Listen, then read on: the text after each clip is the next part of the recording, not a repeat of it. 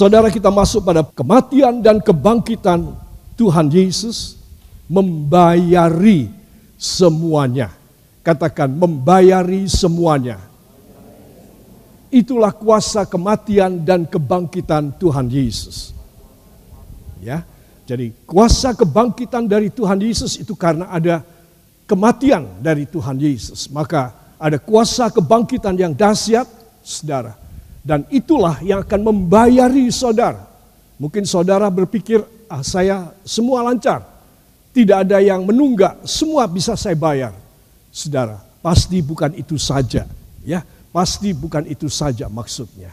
Para kekasih itu sebab marilah kita segera menengoknya. Dan saya ingin supaya kita membaca dua buah ayat dari surat Efesus pasal yang pertama, ayat 19 dan ayat yang ke-20. Satu, dua, dan betapa hebat kuasanya bagi kita yang percaya sesuai dengan kekuatan kuasanya yang dikerjakannya di dalam Kristus dengan membangkitkan dia dari antara orang mati dan mendudukkan dia di sebelah kanannya di sorga. Amin. Saudara, kita membaca kalimat pertama dan betapa hebatnya, ya, saudara, dan betapa hebat kuasanya bagi kita yang percaya. Semua orang percaya sebenarnya, katakan sebenarnya, bisa merasakan, bisa mendapatkan kuasa yang betapa hebat.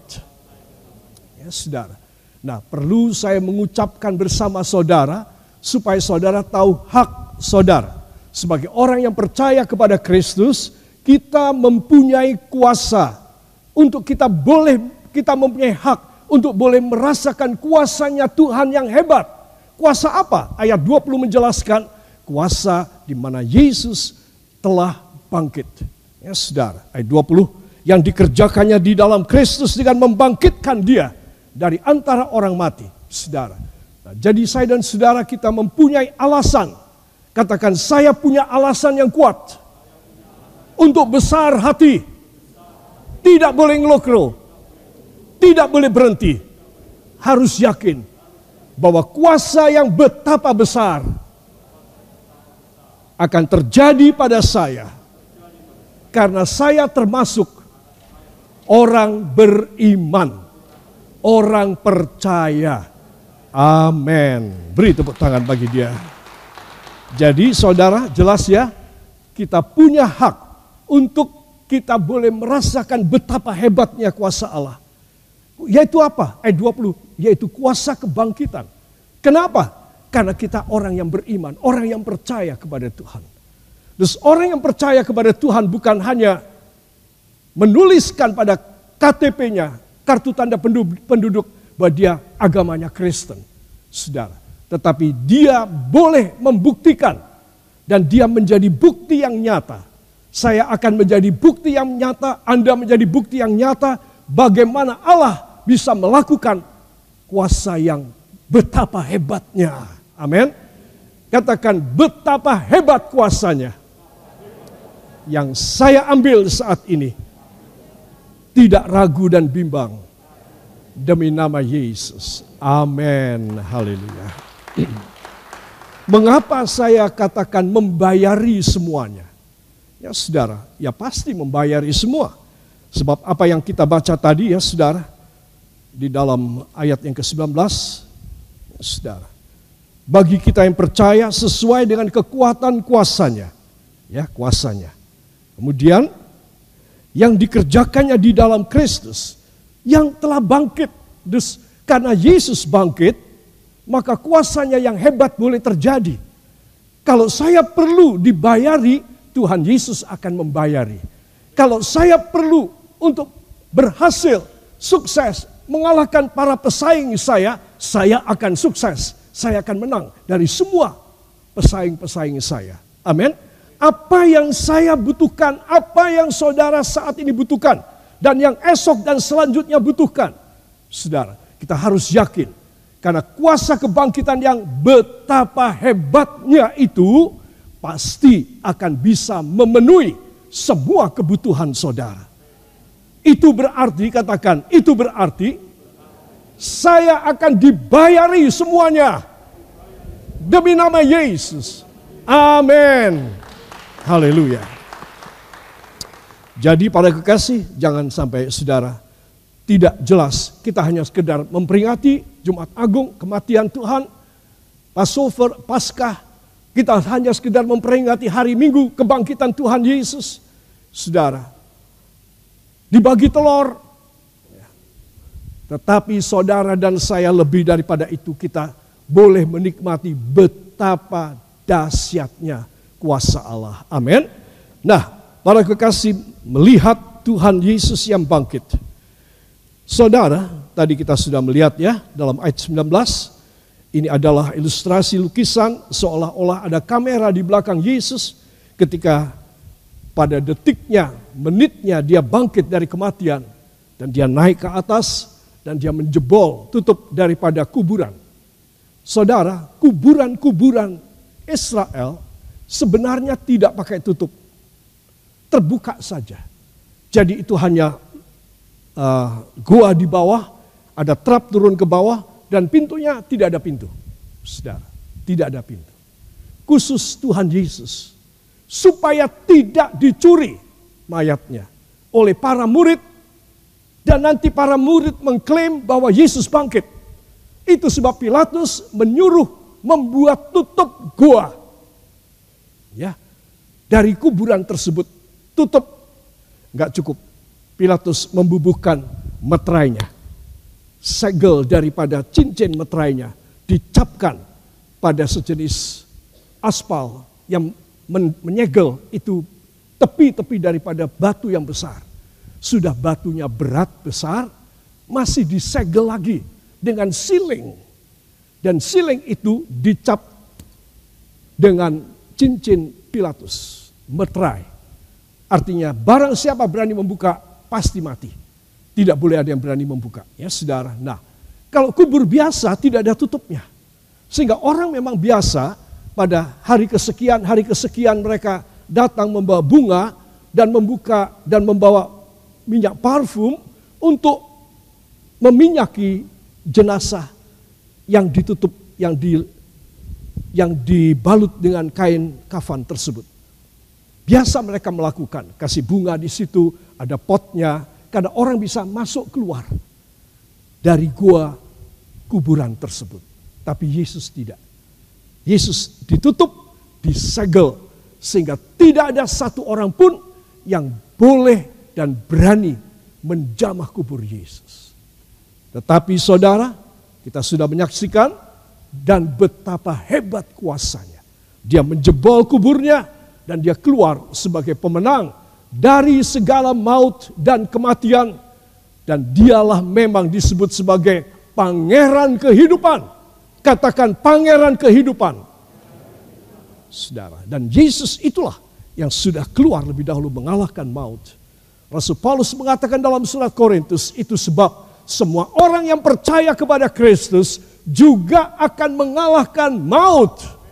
Mereka kalau mati Mati dan maut beda. Mati adalah masuk kubur, berhenti dari hidup. Maut adalah masuk neraka.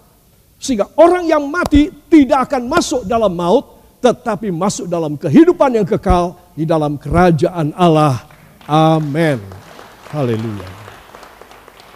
Saudara yang kekasih. Ayat 20, sekali lagi kita baca. Satu, dua. Yang dikerjakannya di dalam Kristus dengan membangkitkan dia dari antara orang mati dan mendudukkan dia di sebelah kanannya di sorga. Amin. Saudara, begitu jelas ya Tuhan Yesus telah bangkit keluar dari kubur. Kira-kira saudara bisa lihat itu penutupnya, batu penutupnya. Besar kan, tebal. Saudara lihat tuh berapa kuintal itu. Ya, saudara, beratnya berapa ratus kilogram. Saudara, dia telah dibangkitkan dari antara orang mati. Para kekasih, itu sebab saya berani menuliskan maknanya apa. Maknanya Yesus bisa membayari semuanya. Karena dia sudah membayari nyawa kita. Dengan dia mati di kayu salib, saudara. Dan dia melepaskan para tawanan. Dan saya dan saudara dibayar supaya kita masuk dalam sorga. Bila nyawa kita saja dibayarnya, semua katakan, apalagi, apalagi hal-hal duniawi, hal-hal keuangan, hal-hal materi, hal-hal kesuksesan yang saya hadapi di dunia. Semua katakan, pasti, pasti Tuhan membayari saya. Karena semuanya telah lunas dibayar. Amin. Haleluya. Saudara, inilah alasan kenapa kita bisa dibayari oleh Yesus yang bangkit. Ya, saudara membangkitkan itu dari kata egero atau juga kata yang famous yang lain sepadan dengan egero adalah anistemi. Saudara, anistemi adalah dari kata ana, lagi, dan histemi, bangun. Sehingga kata igero dan anistemi ini menunjukkan bangun kembali, bangkit kembali. Nah Yesus telah mengalami kuasa bangkit kembali. Saudara, dan itu sebab, itu sebab kita semua yang percaya kepada kebangkitannya, kita juga akan dibangkitkan kembali. Amin. Kata kembali berarti apa? sudah pernah dibangkitkan. Mungkin tahun lalu kita memperingati kebangkitan Yesus. Tetapi setelah itu selesai, acaranya selesai, saudara, festivalnya selesai, lalu kita ini tidur lagi, mati lagi. Nah itu namanya kita perlu anas, anistemi. Kita perlu untuk bangkit kembali. Kembali, saudara. Kenapa bisa kembali? Masih hidup kalau saya dan saudara sudah terkapar, kita sudah mati, kita sudah tidak bisa mengalami anistemi lagi. Itu sebab katakan bersama saya, mulai dari malam hari ini, saya harus menghargai waktu Tuhan. Menghargai kesempatan ilahi untuk saya mengalami egero anistemi dalam nama Yesus. Amin. Para kekasih, membangkitkan dia dari antara orang mati. Saudara, orang mati itu namanya adalah nekros. Nekros itu dalam dalam perjanjian baru, bahasa Grikanya. Saudara, kata nekros ini kemudian berkembang menjadi ya di dalam bahasa di dalam bahasa Jerman, di dalam bahasa Spanyol menjadi negro. Negro berarti gelap, hitam. Nekros ini mati. Terus orang yang mati itu adalah orang yang hitam. Dia sudah selesai. Artinya apa? Artinya dia mati dalam dosa. Jadi kata nekros di sini adalah bahwa Allah Bapa membangkitkan Yesus, ya, anistemi, erigo, dari antara orang mati. Kenapa Yesus mati? Yesus mati sebagai nekros, yaitu orang mati yang hitam pekat dengan dosa seluruh dunia. Sudah. Dan demikianlah yang terjadi sehingga Bapa membangkitkan Yesus. Saudara, itu sebab disebutkan sebagai nekros, orang mati yang dibangkitkan kembali, anistemi. Para kekasih itu sebab Yesus itu mati bukan sebagai orang kudus loh. Bukan sebagai nabi loh. Bukan sebagai Isa Al-Masih. Bukan sebagai Mesias. Yesus mati dalam keadaan yang gelap, penuh dengan dosa. Racun yang luar biasa dahsyat Para kekasih itu sebab hargai korban Yesus. Amin. Katakan saya harus menghargai korban Yesus. Bahkan dia merelakan nyawanya untuk menjadi seorang nekros. Mayat yang gelap, yang hitam. Hitam oleh dosa. Sudah. Sebab saya dan saudara harus menghargai mencintai Tuhan. Mumpung saudara bisa mengasihi Tuhan, kasihi Tuhan dengan segenap hatimu, dengan segenap jiwamu, dengan segenap akal budimu, dengan segenap cintamu kepada Tuhan. Mumpung engkau masih bisa. Kalau engkau sudah tidak bisa, engkau nyesel. Engkau sehari-hari di tempat tidur barangkali, engkau cuma menangis saja. Terus keluar air mata terus. Gak berhenti. Itu sebab para kekasih, jangan terlambat. Ya, katakan saya tidak boleh terlambat. Mumpung saya masih kuat. Masih diberi hidup. Tidak koma. Amin. Yang percaya beri tepuk tangan bagi dia. Haleluya. Para kekasih, ada dua pokok pikiran yang akan saya sampaikan mengenai soal Jumat Agung kemarin tentang kematian Yesus. Ya, why? Kenapa Tuhan Yesus harus mati? Saudara, saudara tahu jawabannya apa? Ya, nah ini jawabannya penting.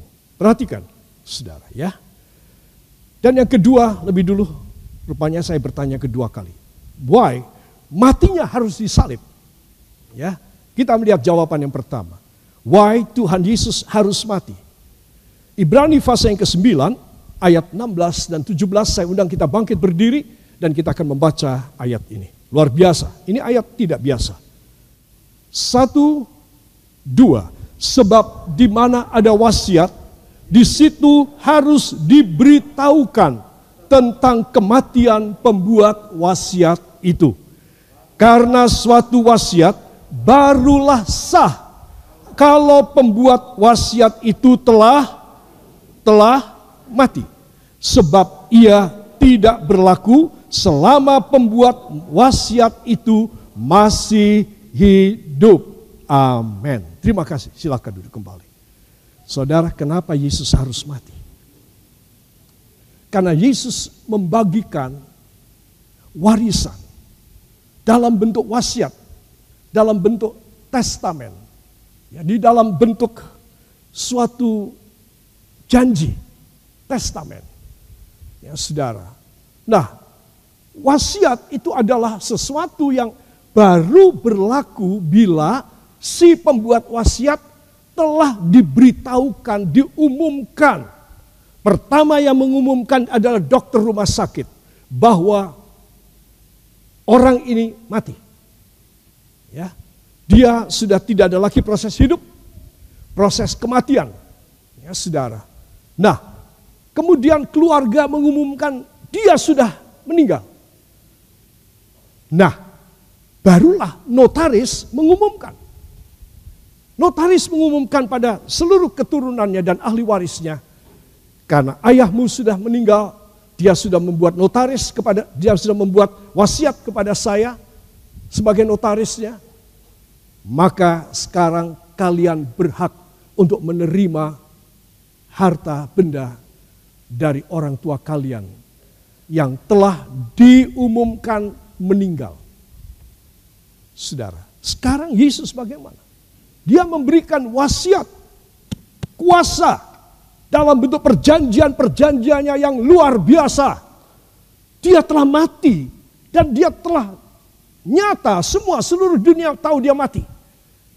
Itulah sejak saat itulah semua perjanjian testamen dari Tuhan itu berlaku hukum. Apa sebab? Sekali lagi, karena yang membuat wasiat sudah mati. Jadi, apa sebab? Karena dia sudah diumumkan mati. Itu sebab saya suka judul dari Alkitab kita ketika saya masih remaja ya. Ini Alkitab ini bahasa Indonesia namanya bukan perjanjian lama dan perjanjian baru. Tetapi wasiat lama dan wasiat baru. Itulah yang itulah yang tepat sekali. Karena ada pembuat wasiat yaitu Yesus. Kalau dia sudah mati dan untuk itu dia mati supaya perjanjiannya, wasiatnya itu berlaku hukum. Bisa saya pakai karena jatuh kepada saya, bisa saudara pakai karena wasiatnya jatuh kepada saudara. Amin. Halo, sampai di sini mengerti apa tidak? Ya. Jadi para kekasih perhatikan, why Tuhan Yesus harus mati. Supaya selain menebus dosa, ada yang sering kali kita belum pernah dengar dan jarang sekali dibahas adalah karena kalau dia mati, maka manusia yang berdosa boleh mewarisi wasiat dari dia. Apa yang menjadi testamen, apa yang menjadi hak kita orang, saudara, boleh terjadi karena dia sudah mati. Tapi kemudian dia bangkit, saudara. Dia mati hanya untuk memberikan tanda dimulainya berjalan secara hukum, berlangsung secara hukum, wasiat dia. Setelah itu berjalan, dia bangkit kembali pada hari yang ketiga. Saudara. Jadi saudara mesti tahu di mana ada wasiat, di situ harus diberitahukan lebih dulu bahwa si pembuat wasiat inggih menika sampun sedo. Kalau belum mati, maka wasiat tidak bisa berlaku. Jadi penting sekali anak-anak Tuhan kita bersyukur bukan hanya katakan saya harus bersyukur bukan hanya dosa saya diampuni. Bukan hanya sorga tersedia buat saya. Dengan kematian Yesus, saya bisa menggunakan wasiat. Pemberian-pemberian, kuasa yang dahsyat dari Tuhan Yesus. Amin. Haleluya. Kemudian pertanyaan yang kedua, why? Matinya harus disalib. Saudara, kenapa matinya harus disalib? Banyak cara mati, banyak cara dihukum atau penghukuman pada zaman dulu. Tetapi mari kita akan membaca dari Galatia 3 ayat 13. Satu, dua. Kristus telah menebus kita dari kutuk hukum Taurat dengan jalan menjadi kutuk karena kita. Sebab ada tertulis, terkutuklah orang yang yang digantung pada kayu salib. Amin. Jadi saudara mesti tahu kenapa ya Yesus kok matinya caranya sangat menyedihkan. Karena ada nas Alkitab, terkutuklah orang yang digantung di kayu salib. Sudah. Jadi Yesus itu memenuhi nas ayat tersebut. Dia dipilihkan oleh Allah Bapa cara mati yang paling terkutuk. Cara mati yang paling ngenes. Cara mati yang paling hina. Sudah. Yaitu disalib dia mati di kayu salib sebagai orang yang terkutuk, terkutuk. Di taman Getsemani dia berdoa, Bapak jikalau boleh lepaskanlah aku dari cawan, dari piala ini. Tapi di atas semuanya biarlah kehendakmu yang jadi. Dan malaikat membawa piala, cawan, kutukan, diberikan kepadanya. Artinya Bapak mengizinkan. Supaya apa? Supaya mission accomplished. Supaya mission berhasil. Yesus harus memenuhinya. Dan Yesus meneguknya dan meminumnya. Saudara, sejak itu semua kutukan ada pada Tuhan Yesus. Itu sebab tidak heran di kayu salib dia berseru, Eloi, Eloi, lama sabachthani. Ya Bapa, ya Bapa, mengapa engkau meninggalkan aku? Ya Bapak terpaksa meninggalkan. Karena putranya yang tunggal, yang maha kudus, sekarang telah menjadi maha najis, maha kotor, dan terkutuk. Dan Bapak melepaskan pengawasannya, naungannya dari Tuhan Yesus. Coba segitunya, segitunya penderitaan daripada Tuhan Yesus. Itu sebab dua pertanyaan ini penting untuk saudara mengetahui. Saya mau tanya, kenapa Yesus mati? Kenapa Yesus harus mati? Bukankah dia Allah berkuasa? Tanpa mati dia bisa menyelamatkan semua orang. Semua yang percaya kepadaku mati masuk sorga. Tanpa dia harus mati. Menurut saudara dia mampu apa tidak? Mampu. Tetapi kenapa dia harus mati? Karena ada wasiat. Ada testamen. Yang baru berlaku hukum dan baru bisa diterapkan, baru bisa dipakai. Setelah diberitakan bahwa si pembuat wasiat sudah mati. Ada surat dokter. Sudah. Setelah ini diberitakan, maka notaris akan memberitahu kepada kaum keluarga. Eh, ayahmu sudah buat wasiat sama aku. Setelah beliau meninggal, kapan kalian sudah slow waktu datang ke kantorku. Aku akan membuka wasiatnya. Saudara. Demikian saudara. Kemudian kedua, kenapa dia harus mati di kayu salib? Karena itulah cara kematian sebagai hukuman yang paling najis, yang paling mengerikan. Itu luar biasa. Dia memilih matinya harus disalib. Supaya semua orang seluruh dunia, segala generasi, segala zaman bisa tahu bahwa dia menjadi Allah manusia yang paling terkutuk. Supaya semua orang yang percaya kepada dia lepas dari kutukan. Berhenti daripada hukuman. Lepas dari tangis air mata penderitaan. That's why the way that Jesus Christ by Father God choose for him, it is he must die on the cross on Calvary. Because before the crucifixion, there are some rituals that is very, very horror and very, very much unpitifully. Kalau saya dan saudara menyadari kenapa dia mati cara begitu, itu memang dia punya keinginan supaya tidak ada dosa yang dia tidak bisa bayar. Because he think that all sins and all judgments have to be redeemed, have to be paid. Everything must be paid all. That's why he chose the very bad death by crucifixion.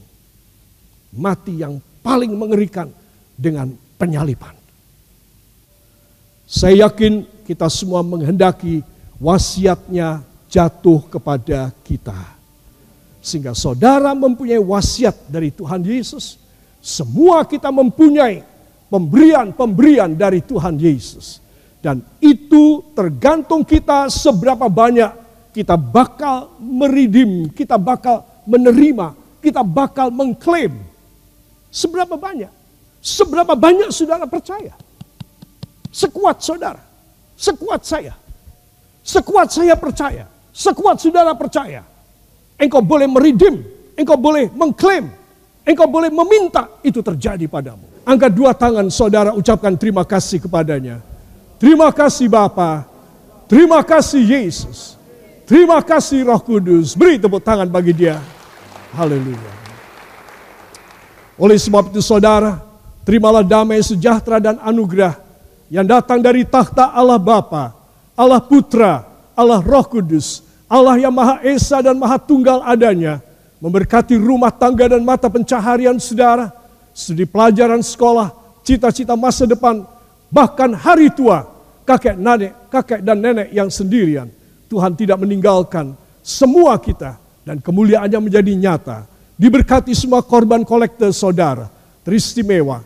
Segala pengembalian persepuluhan saudara. Sesuai dengan Maliaki 3 ayat 8 dan 10.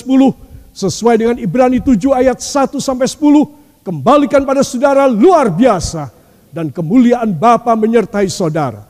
Perjalanan saudara dalam kota luar kota dan di mana pun saudara berangkat malam ini. Tiba di, rumah saudara dengan tidak kurang apa pun.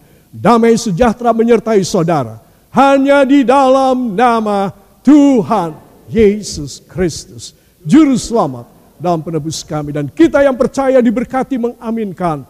Amin. Beri tepuk tangan bagi dia.